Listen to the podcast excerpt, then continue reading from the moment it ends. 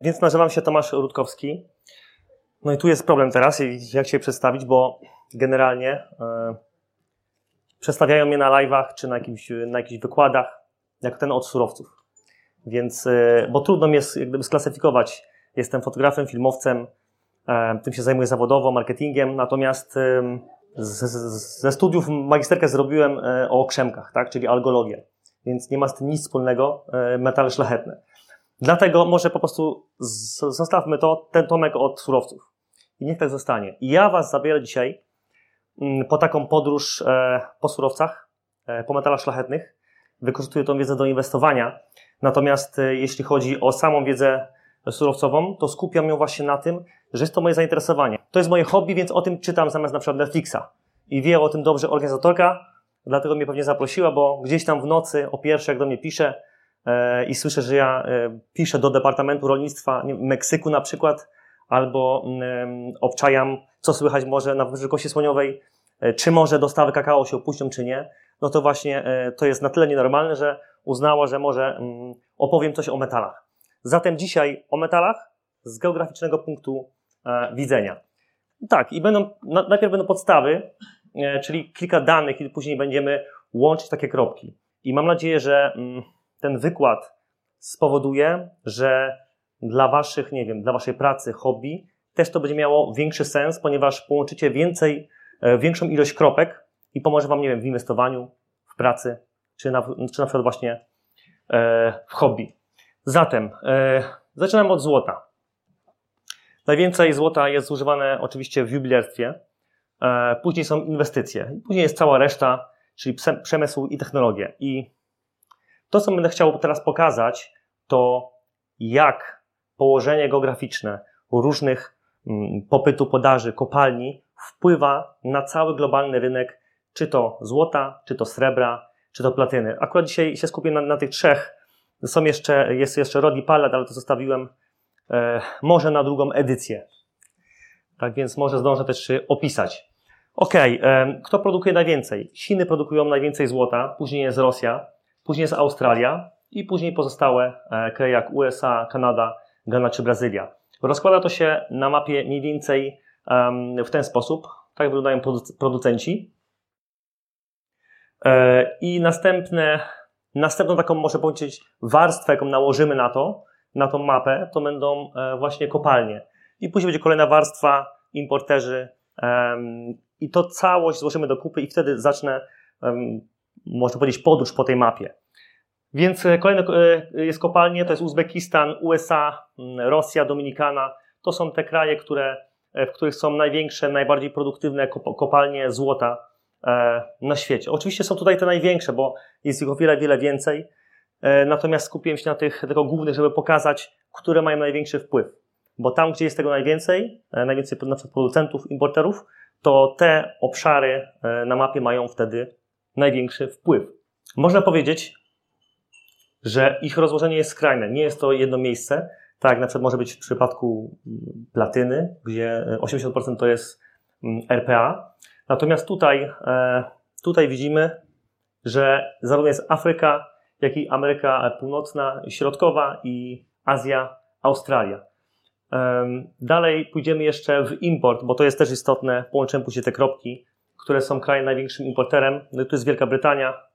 E, te, które są największym, można powiedzieć, mają największy udział w rynku, są wymienione po lewej stronie. Tak? Czyli jeśli coś jest takim, można powiedzieć, ma największy wpływ, to jest po lewej stronie, no to po prawej jest cała, cała reszta. Ok, tak to wygląda e, teraz na mapie, jak się e, rozkłada ten import tych metali. I jeszcze jedna rzecz, to są rafinerie. Rafinerie, które są bardzo, mają bardzo duży wpływ pokazało to na przykład teraz e, ten okres covidowy, e, gdzie mm, rafinerie w Szwajcarii przynajmniej miały problem z takim normalnym funkcjonowaniem. Odbiło to się na, oczywiście na cenach. Później pokażę tam kilka wykresów, tak, że mm, ceny oczywiście złota spadły, natomiast spróbujcie go kupić w takim okresie w Mennicy, prawda? Więc, ale to już powiedzą osoby, które pracują w Mennicach, że wtedy właśnie mimo spadku ceny złota na giełdzie to w Menicach e, były rekordy. Tak to się przedstawia. Najbardziej istotny wpływ na to, gdzie jest produkowane złoto oraz gdzie jest eksportowane, eksportowane importowane, e, mają takie czynniki jak możliwość rozwoju firm, e, sytuacja geopolityczna, podatkowa, ekonomiczna. Dlatego, mimo że na przykład w Afryce mamy e, kilka kopalni, to złoto tam jest trudno dostępne i jest, można powiedzieć, rozdrobnione. Rynek jest, e, w, można powiedzieć, w takim stanie, gdzie e, ktoś się może złapać za głowę, natomiast trudni gracze próbują tam wejść. Na przykład Australia, na przykład Chiny. Ostatnio nawet Australia chyba chciała sprzedać w Ganie jakąś kopalnię Chinom. No i okazało się, że po przejęciu tej kopalni Chiny otrzymały inne warunki. I już e, był zwrot tego zakupu, ponieważ nie było e, przewidziane, e, okres dzierżawy się tam trochę różnił. I to pokazuje, że trudno nawet sprzedać taki biznes jak kopalnia złota w Afryce. Trudno sprzedać, ponieważ każdy ma inne warunki.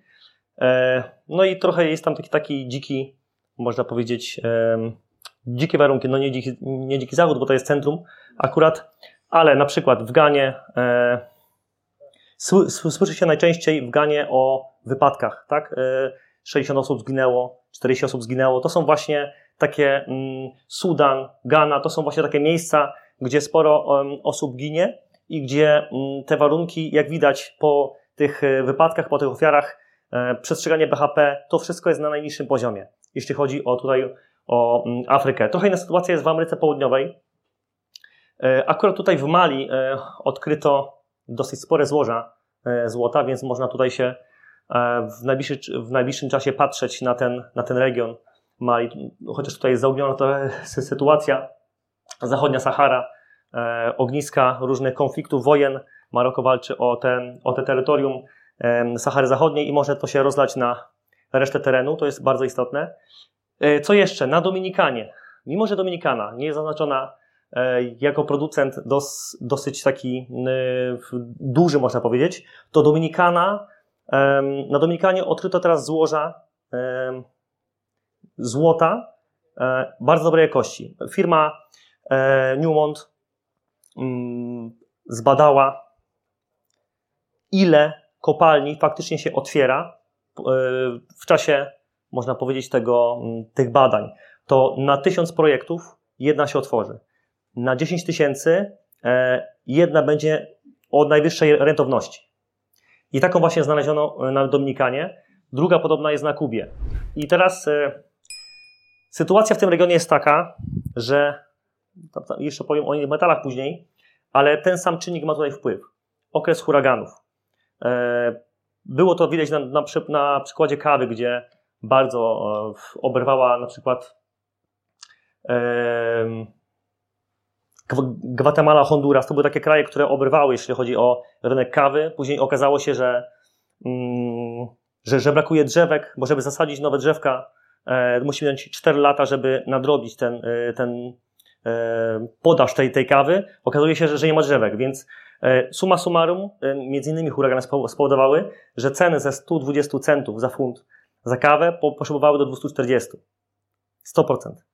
I podobna sytuacja może mieć właśnie miejsce w tych wszystkich kopalniach, e, które są w tym rejonie, bo to huragany idą w ten sposób, e, albo też skracają na południe i wszystkie tutaj kopalnie, które występują nawet w Peru, nawet e, w Chile i tutaj, to są kraje, które są zagrożone zalaniem, podtopami i to jest duży czynnik, który, który tutaj odgrywa sporą rolę, jeśli chodzi o obranie tych kopalni, o, o może o, o, zabezpieczenie ich, ponieważ jedna taka, e, taki silny sezon huraganowy może sprawić, że kopalnia, e, kopalnia przez kilka tygodni, kilka miesięcy będzie niedostępna. Tak, podaż po prostu e, spadnie do zera. Jest takie ryzyko. Stany Zjednoczone tutaj są, można powiedzieć, takie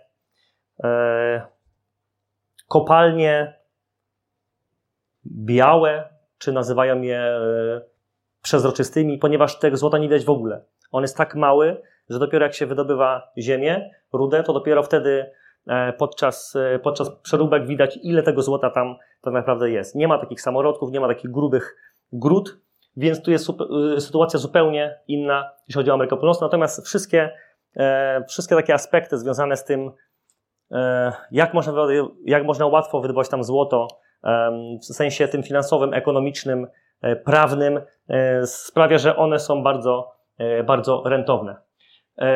Co jeszcze mamy?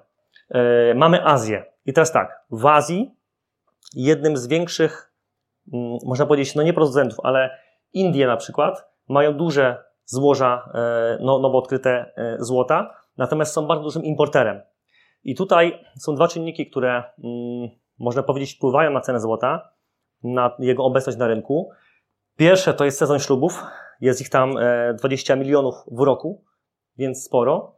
I używa się do tych ślubów, między innymi, używa się około 500 ton złota. 500-600 ton złota. Tyle się szacuje. E, więc rolnicy generalnie. Ktoś był może w Indiach? Żebym od razu się uczepił i pytał? Nie. Dobrze. Więc w Indiach jest taki bardziej ze strony wiejskiej następuje ten zakup tego złota, ponieważ e, ludzie podczas, e, podczas takich pogód, można powiedzieć, um, można powiedzieć, że podczas monsunu, tak, gdy są różne podtopienia po wodzie, to ludzie na wsi często tracili swoje pieniądze, banknoty, one były mokre. Więc zaczęto kupować po prostu biżuterię. Wtedy się nosi e, swój majątek przy sobie. To jest najprostszy generalnie sposób. I ta branża weselna jest jednym z takich głównych czynników, które tutaj odgrywa rolę. Druga sprawa to jest monsun. Czyli jeśli monsun był dobry, były e, obfite zasiewy, e, rolnicy mają, można powiedzieć, do, dobre zbiory, to wtedy jest największy zakup złota. W momencie, gdy ten monsun, ta pora monsunowa E, ona trwa od czerwca do września, gdy jest powiedzmy kiepska, e, są słabe zbiory, to to jest moment, żeby to złoto właśnie e, sprzedać, tak? Żeby, żeby po prostu przeżyć. No i część oczywiście na wesela, to co już powiedziałem, więc no nie ma takich statystyk, kto ile wydaje na co, natomiast to są tylko, to są tylko mm, szacunki. Dobra, srebro. E, no tu jest zastosowanie największe w przemyśle, zwłaszcza w tym tak zwanym solarnym. E, fotografii jest e, ułamek, no i inwestycje to są jedne z większych. Biżuteria 17%, też, też sporo, bo jedna czwarta. I tutaj prawie. I najwięksi producenci to jest Meksyk, Chiny i Peru. To są, to są najwięksi producenci srebra. No później jest Chile, Australia, Polska. I tutaj ten rynek już nie jest taki może interesujące, jeśli chodzi o takie e, sytuacje, które mają wpływ na, na tą cenę. A tu jeszcze o jednej rzeczy opowiem, wrócę. E, odnośnie tego, gdzie złoto może być takim czynnikiem, który obecnie jest brany pod uwagę. Tak, czyli złoto nielegalne albo złoto wydobywane, gdzie można go policzyć. Mm, jest takie miejsce w Wenezueli, e, nazywa się Arco Minero. To jest taki można powiedzieć, łuk Orinoco, tak się nazywa. I tam o powierzchni jednej trzeciej Polski e, Maduro wytoczył takie, można powiedzieć, miejsce, gdzie, gdzie mogą wchodzić inne firmy, inne kraje i po prostu kopać złoto. To jest e, powierzchnia jednej trzeciej Polski. Jest tam obecnie 35 krajów, które z tego korzystają. E, nie idzie policzyć, ile tego złota jest wydobyte w tym miejscu. Nie idzie policzyć, ile jest eksportowane. Natomiast problem jest taki, że dzierżawa dzierżawą, jak wpuszczają te firmy, te kraje, to jest taki problem, że tam już ktoś, ktoś to złoto wydobywa. E, rdzenna ludność, tak? I walka z nimi jest czasami, no, e, padają ofiary, może tak powiem, i dopiero się uciekają do jakichś e, drastycznych sposobów nielegalnych albo dogadują się z urzędem, z urzędem żeby mogli tam te złoto pozyskiwać. Taka sytuacja jest w Wenezueli i te, i te złoto z Wenezueli często przez Surinam, często przez Gujanę, wędruje do Afryki. I w Afryce mamy taki kraj jak Uganda. I Uganda kiedyś eksportowała około 11 kg złota. E, po pojawieniu się pewnego przedsiębiorcy, Getz, który założył tam rafinerię, e, nagle Uganda z takiego kraju, który nie jest zbyt dużym producentem mało tego złota wydobywa, e, nagle zaczęła z 11 kilo eksportować 11, 11 ton. E, to przez tą rafinerię tego Belga, który można powiedzieć ściągał to złoto z różnych krajów, zwłaszcza tutaj okolice Sahelu, e, Sudan, Czad, e, Niger, Mali. Generalnie te kraje, które mają sankcje wszystkie, tam gdzie są konflikty, tam gdzie są wojny, te kraje mają sankcje, ponieważ rebelianci przejmują kopalnie i z tych kopalni po prostu finansują swoją broń. Nic nie idzie do, do Skarbu Państwa, nic nie idzie, można powiedzieć, do rynku biżuterii czy inwestycyjnego, tylko po prostu jest za to finansowana broń. I kto w danym momencie e, przejmuje dane, e, dane kopalnie właśnie w tym rejonie, to ma e, środki na tę broń. I tam jest nawet, ostatnio była wpuszczona e, grupa Wagnera, rosyjska słynna. No nie bez przyczyny ona uwalnia te terytoria od złych rebeliantów, bo później mogą te kopalnie kontrolować oni. I to też, y, też, y, też głównie o to chodzi, żeby czerpali zyski, bo nie mają, można powiedzieć, w zamyśle, żeby wyzwalać świat od złego. I te wszystkie, i te całe złoto, nawet Sudan, y, Ministerstwo Finansów oficjalnie podało, że Sudan około 80% produkcji, produkcji złota nie jest rejestrowane. Nie jest rejestrowane. To wszystko trafiało tutaj. Kongo, Kongo powiedziało, że 95%, Demokratyczna Republika Kongo, która z demokracją ma wspólnego tyle, ale to e, inny temat. 95% ich złota trafia właśnie do Ugandy. inne kraje też z tego zaczęły korzystać. Część oczywiście tych, tego złota, które wędrowało z Wenezueli, było przechwy, mm, przechwycone. To były takie paczki 3,5-4 e, tony i takie paczki, takie można powiedzieć transporty były przechwytywane i e, no i o tyle można powiedzieć, wzbogacał się kraj, bo później to nie było oczywiście oddawane, bo sprawa, czyje to? Nie wiadomo. No to nasze. Więc y, sytuacja się trochę zmieniła półtora roku temu, gdy ten przedsiębiorca, który założył właśnie tą, e, tą rafinerię, dostał e, podatek już od, od eksportu, bo wcześniej na 10 lat był zwolniony z tego eksportu i później się pojawiła sytuacja, że mm, to już się tak nie opłaca jak kiedyś, tak? I zostało to trochę przehamowane, a w marcu tego roku USA, USA nałożyło sankcje właśnie na, ten, na tę rafinerię i ta działalność, można powiedzieć, już e, no Get się wycofał w każdym razie. E, kto, kto, przejął, kto przejął teraz te, e, te rafinerie, trudno powiedzieć, natomiast wiemy jedno, że teraz Zjednoczone Emiraty Arabskie Dokładnie Dubaj będzie miał problem, ponieważ e, około 80% tego złota z Ugandy wędrowało właśnie na rynek jubilerski w Dubaju. I generalnie Uganda była znana z tego, że można w Ugandzie załatwić sobie certyfikaty na złoto od tak. W bardzo dobrej cenie. E, teraz już tego nie można sobie załatwić. I teraz już e, rynek w Zjednoczonych Emiratach Arabskich, jeśli chodzi o biżuterię, będzie miał problem, ponieważ wszyscy jubile, znaczy wszyscy, e, duża część jubilerów, która tam właśnie działała e, w, w, w Emiratach, będzie miała problem, ponieważ będzie musiała pozyskiwać złoto już z, bardziej legalnych źródeł. Muszą zmienić po prostu źródło. I to nam pokazuje, że rafinerie RPA, ale jest jeszcze w Ganie druga taka największa rafineria w Afryce, że te kraje i te rafinerie w najbliższym czasie zwiększą moce produkcyjne, ponieważ no, gdzieś to złoto musi trafić, więc prawdopodobnie trafi ono do Gany. I można się spodziewać, e, że w niedługim czasie, jak usłyszycie, że gdzieś powstała nowa rafineria w Afryce, e, to podejrzewam, że może to być stworzona rafineria dla rynku zbytu, dla tego nielegalnego złota z tutaj, z Sahelu. Z całego Sahelu, z centrum Afryki oraz może nawet z Wenezueli. Tak wygląda sytuacja, jeśli chodzi właśnie o o Afrykę i o złoto. I to srebro, to już wspomniałem, gdzie ile procent, przemysł, inwestycje, e, najwięksi producenci, tak, Meksyk, e, Chile, e, Chiny, Peru. I tak się to rozkłada na mapie, tak to mniej więcej wygląda. E, kolejna rzecz to są kopalnie. 80% e, kopalni srebra to nie są kopalnie stricte srebra, tylko miedzi, głównie miedzi. 20% jest tylko stricte takimi kopalniami, które zostały utworzone właśnie w celu wydobywania srebra. E, no i tutaj oczywiście nasz KGHM ma pierwsze miejsce i w, w największych kopalniach, bo zauważyłem, że jest taka trochę misunderstand w, w, w internecie, że podają KGHM jako największego producenta srebra. Natomiast tak nie jest. Nawet tak KGHM nie podaje, bo sprawdziłem. KGHM jest największą spółką wydobywczą, która wydobywa srebro, a nie ją produkuje. Największym producentem póki co jest Fresnilo, który tu jest na przykład na, na miejscu siódmym.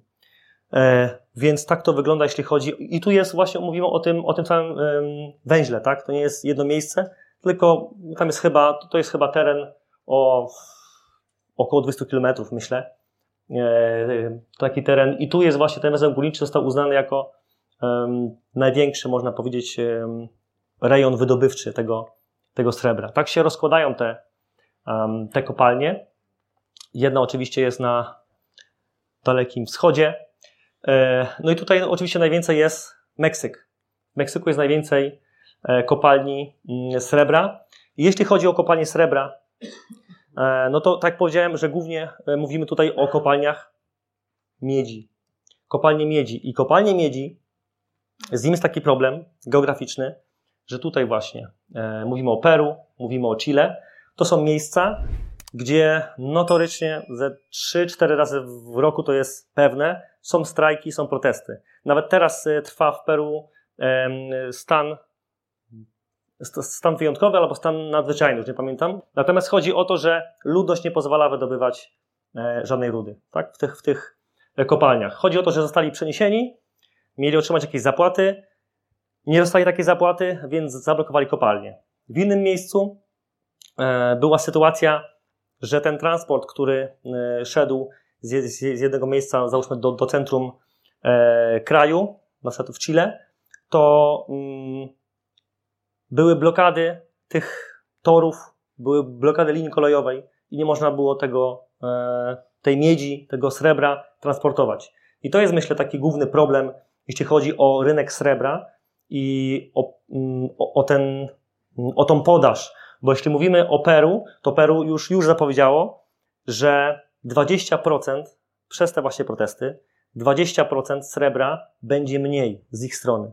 80% srebra będą teraz y, wyeksportują właśnie w tym okresie. Więc to, ma to duży y, wpływ, bo jak widzimy tutaj Peru 3000 ton srebra, to jest trzeci producent, więc y, ma to sens. Widać tą zależność. Kolejna sytuacja, jeśli można powiedzieć o, tak, o kopalniach mm, srebra i które mają wpływ właśnie na cały rynek, to jest Australia. Akurat tutaj, mm, to jeszcze pokażę mennicę może. Mennice są. E, tu jest Perth Mint. Mieści się przy, zaraz przy, e, przy tej kopalni właśnie w Australii, w południowo-zachodniej Australii. I Australia, właśnie Australia ma takie kopalnie, mm, które mogą być stricte i są stricte kopalniami srebra. W 2023 roku, czyli w przyszłym roku, powstanie kolejna taka kopalnia. I już jest z nią problem. Tutaj w południowym, w południowo-wschodniej części, tam gdzie się mieści Sydney. E, I generalnie Sydney ma teraz problem pogodowy.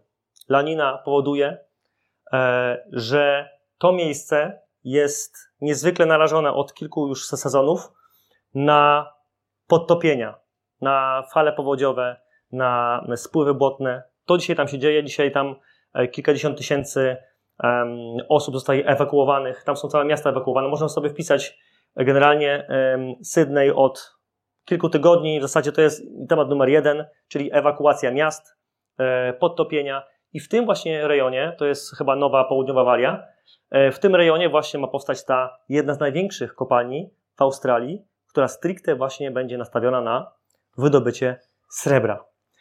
Więc tu jest kolejny czynnik, który ma, e, będzie miał znaczenie w przyszłości, e, jeśli mówimy o tym e, rynku. No tutaj jest, na, na miejscu mamy wszystko, mennice, mamy rafinerię, jeśli chodzi o Afrykę Południową. Tak jak mówiłem, Meksyk, tu jest w tej części, w, Me w Meksyku też są, też są pewne problemy, można powiedzieć, etniczne, środowiskowe. E, wstrzymanie kopalń, jakieś strajki, to są właśnie głównie pod kątem środowiskowym, ekologicznym, można by e, powiedzieć. Podobnie jak, podobnie jak z rynkiem złota się jeszcze trochę wraca do tego złota. E, z rynkiem złota jest taki problem, że tutaj Indonezja i Papua Nowa Gwinea, e, to tam na rynku złota obecnie są sytuacje, że Papua Nowa Gwinea nie przedłuża dzierżawy tym krajom, które, znaczy krajom, tym spółkom, które mają już tam kopalnie i wydobywają złoto. Wiedzą to mniej więcej między innymi Chiny i, to, i ich determinacja jest tak silna i to pokazuje, że ich niedogadanie się, bo ktoś może stwierdzić, no dobra, przecież jeśli nie będziemy wydobywać złota, to wy nie będziecie mieli z tego procentu, nikt nie zarobi. No i to już może trwać nawet dwa lata. Tak jest właśnie, ostatni taki przypadek jest, y, który trwa dwa lata. Nie mogą się dogadać. E, obecnie chyba mm, miasto przejmuje właśnie te, y, te kopalnie i teraz się dogadują co do podziałów y, właśnie zysków odnośnie tych kopalń i oczywiście odnośnie ograniczenia tego terytorium e, do, do, do wydobywania. Także coraz więcej obszarów tutaj jest y, chronionych, można powiedzieć. I to ma taki główny czynnik na to, że, że Nowa Gwinea po prostu stara się trochę ukrócić to wydobycie albo ograniczyć te może te rejony. Tak, ale to było właśnie o złocie. Y, I tu jest ta sytuacja, o której mówiłem, ale to może już y, ktoś, kto właśnie pracuje, będą tu inne świetne wykłady oso osób z Menic, więc zapewne może coś powiedzą o tym, o tym jak ktoś przychodzi i oczekuje, a złoto spadło, dzień dobry, chciałem kupić. Tak, bo widziałem, no, że spadło, ale u nas nie ma. A jak nie ma, mniejsza podaż, no to cena do góry. Więc y, cena giełdowa tu się ma nijak do, do cen w mennicy, jeśli o to chodzi. Mamy tutaj platynę, e, tutaj są głównie katalizatory, do tego jest głównie używane, e, używane jest platyna. No jeszcze jest chemia, szkło, inwestycje w mniejszej części, biżuteria 24% jedna czwarta, medycyna, elektryka, no i całe, całe inne, tam jakiś, jeszcze jakiś, jakiś przemysł naftowy chyba. tak wygląda platyna.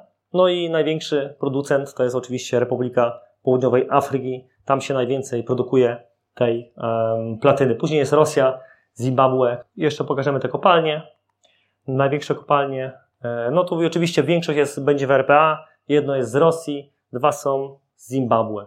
Czyli rynek, można powiedzieć, zdominowany przez, e, całkowicie przez, przez e, RPA. Widać po kopalniach. Najwięksi importerzy to są w zasadzie e, branże motoryzacyjne. To są te kraje, które, które produkują samochody lub są w nich e, fabryki, montownie. To są właśnie te kraje. One importują najwięcej e, platyny. I z platyną jest taki problem. Teraz akurat była taka sytuacja, Port Durban, miasto Durban w południowej właśnie Afryce e, zalało. Ponad 400 osób zginęło. E, I chwilę po tym pojawiła się informacja, że strajki, które są właśnie w kopalniach platyny, e, pojawiła się informacja, że 35 mm, tysięcy kolejnych pracowników, górników chcą przystąpić do tego strajku. Mm, to dla mnie była informacja właśnie, i tak łączę te kropki, to była dla mnie informacja, że warto się skupić na rynku platyny teraz, e, bo jeśli nawet wiem, że cena produkcji, e, wyprodukowania, można powiedzieć, platyny to jest około 900 dolarów, 950 dolarów za uncję, a cena jest o właśnie w tych okolicach, to jest dla mnie informacja i te czynniki pogodowe, te powodzie, że mogę z tego skorzystać i po prostu zainwestować w platynę. Tak te informacje mniej więcej wykorzystuję. Jeśli chodzi o linię, e, o linię niebieską, to jest spółka Seabain, która właśnie poinformowała głównie o tych protestach i mamy linię e, czarną, która pokazuje cenę platyny. E, informacja gdzieś się pojawiła w tym miejscu i tak jak była korelacja celowa, tak w takiej sytuacji, gdy pogoda nie dopisze, są jakieś przestoje, port jest zablokowany, co tu widać, i są strajki jeśli chodzi o jakąś firmę, to zazwyczaj jest tak, że ceny idą w dół, jeśli chodzi o firmę, o tą, e, o tą kopalnię, o tą całą spółkę czy holding. Natomiast ceny platyny idą do góry, ponieważ jest ryzyko e, mniejszej podaży. I to samo tyczy się złota, to samo tyczy się srebra. I te strajki, o których mówiłem no właśnie na, w Ameryce Południowej, czy to Chile, czy to Peru, też to pokazują bo to są jedni z największych producentów e, właśnie miedzi czy, tam, czy, czy, czy srebra. No srebrek, akurat rynek srebra jest taki płytki, że w zasadzie JP Morgan może zrobić co chce w kilka, w kilka sekund, prawda? Więc tutaj przy, przy tak płytkim rynku można powiedzieć, że trudno mm, gdzieś szukać okazji do zainwestowania lub szukać korelacji, skoro pojawia się taka sytuacja, gdzie jest duży gracz i może wszystkim tutaj e, odegrać największą rolę. On odegra największą rolę, a nie popyt, podaż, tak jak tutaj na przykład e, pogoda. E, wrócę jeszcze tutaj do tego położenia. Co jest ważne w rynku platyny? Ważne jest to, że tutaj o ile mamy 10 mm, mamy kopalni, to za 18 lat te 10 kopalni zamieni się w dwie kopalnie. Czyli wszystkie podstawy będą już zamknięte. Tu jest problem na rynku platyny, że większość tych kopalń, tych dużych, które dzisiaj znamy, po prostu zostanie zamknięta. Rok 305, rok 40, 402, 405. Oczywiście część się otwiera nowych kopalń, ale to już nie są, nie są, nie są takie moce przerobowe i nie są takie złoża. E, kolejna sytuacja jest taka, że w Zimbabwe nie wiem, co tam się dzieje, ale sytuacja w kraju jest na tyle mm, rządzący chyba nie wiedzą sami, czego chcą. Anulują e, koncesje, anulują e, dzierżawy, starają się te dzierżawy zmniejszyć. Więc ktoś, kto naprawdę pracuje na rynku platyny w Zimbabwe, ma bardzo, bardzo pod górkę, ponieważ coraz bardziej zaciska się ta pętla wokół właśnie tych firm, które E, wydobywają platynę. Dodatkowo dołożyli około chyba 5% na nieprzetworzoną platynę, więc to powoduje, że mm, te spółki, a jest tam wiele tych spółek,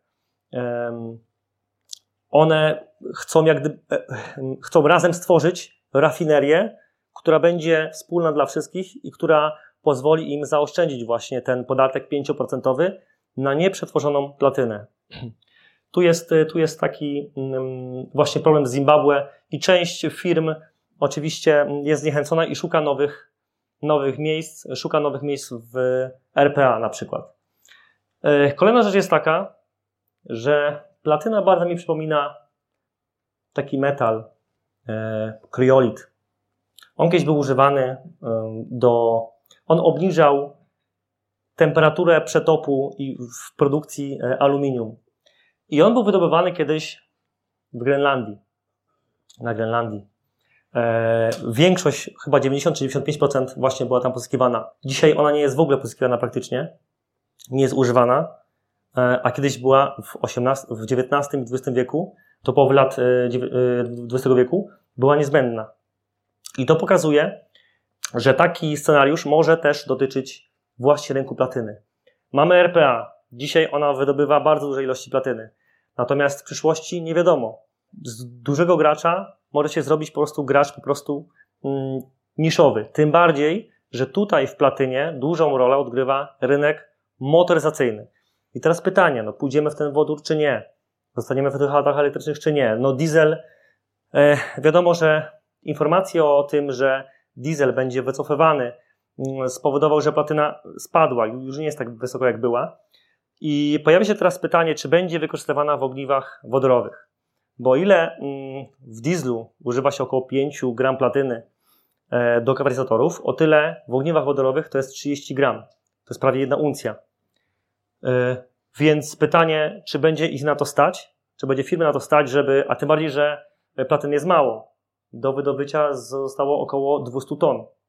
Złota zostało około 50 tysięcy chyba ton nie, przepraszam, platyny 75 tysięcy ton y, zostało, 200 ton jest wydobywane rocznie. Natomiast problem jest taki, że platyny jest i mało, jest droga w, w wydobyciu, droga w produkcji i pojawiają się pytania, czy może nie zastąpić ją kobaltem. E, kobalt, zmienilibyśmy wtedy centrum właśnie tego, można powiedzieć, rynku motoryzacyjnego na Kongo.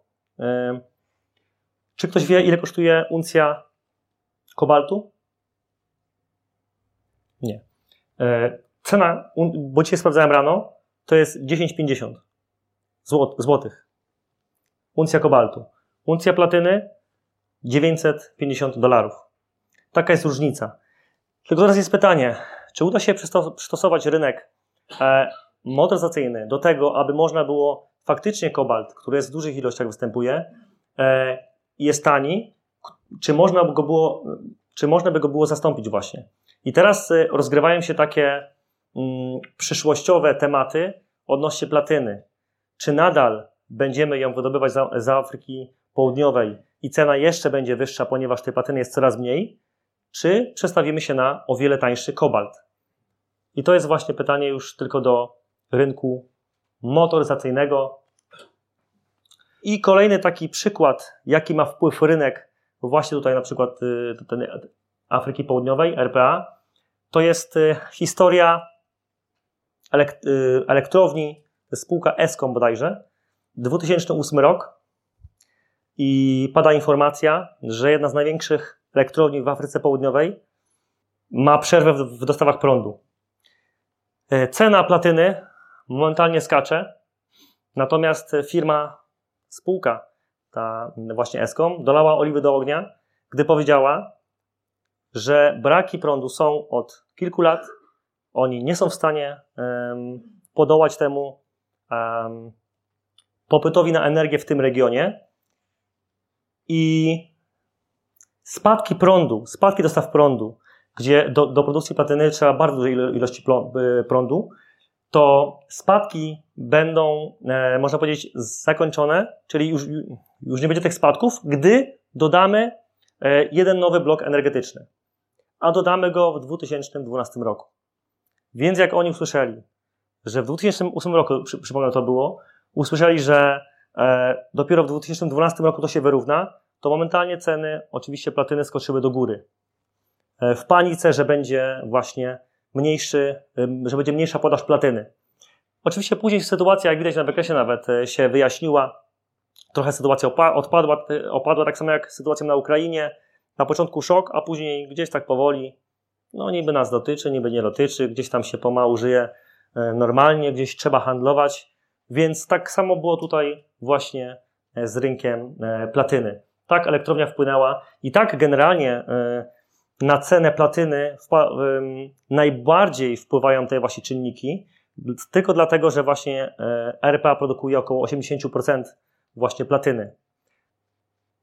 Dlatego ten rynek jest najbardziej chwiejny, jeśli mowa o takich aspektach pogodowych, ekonomicznych w Afryce Południowej. I kolejna rzecz jest taka, że nie zazdroszczę im, ponieważ tak samo jak e, Stany Zjednoczone mają sezon huraganowy, w którym no ja akurat patrzę na sok pomarańczowy, czy na e, gaz, czy kawę. E, tutaj chcę właśnie inwestować w te surowce. Tak właśnie Afryka Południowa ma problem, ponieważ ma sezon cyklonów. Pojawił się teraz, no od początku tego roku były trzy albo cztery cyklony już. W tym właśnie, w tym właśnie miejscu. Zawsze jest ta sama droga. Tak samo jak jest właśnie w Ameryce Środkowej. Tutaj idzie, pójdzie, pójdzie górą albo dołem i wtedy w zależności od tego, czy pójdzie później w Zatoce Meskańskiej w dół czy w górę, to obrywa albo Stany, albo Ameryka właśnie tutaj łacińska. Tak samo jest tutaj w Afryce. Najpierw zawsze idzie przez Madagaskar, bo tu idzie o to Oceanu Indyjskiego. Idzie przez Madagaskar, przez Mozambik idzie właśnie do e, wspomnianego Zimbabwe i do RPA. I to jest dzisiaj kolejna, kolejny taki temat, gdzie na na forum afrykańskim e, myślą, jak temu e, zaradzić, ponieważ tych czynników, które nagle wpływają na tą platynę, jest, jest, jest tak dużo, a platyny jest coraz mniej, że ten rynek naprawdę staje się coraz mniej, um, można powiedzieć, bezpieczny. Zarówno dla osób, które używają tej platyny, zarówno dla kopalń i producentów, którzy z tej, z tej platyny korzystają. Tyle jeśli chodzi o platynę. Wykresy już pokazałem, także e, tyle chciałem przekazać w punkt, no i to idealnie.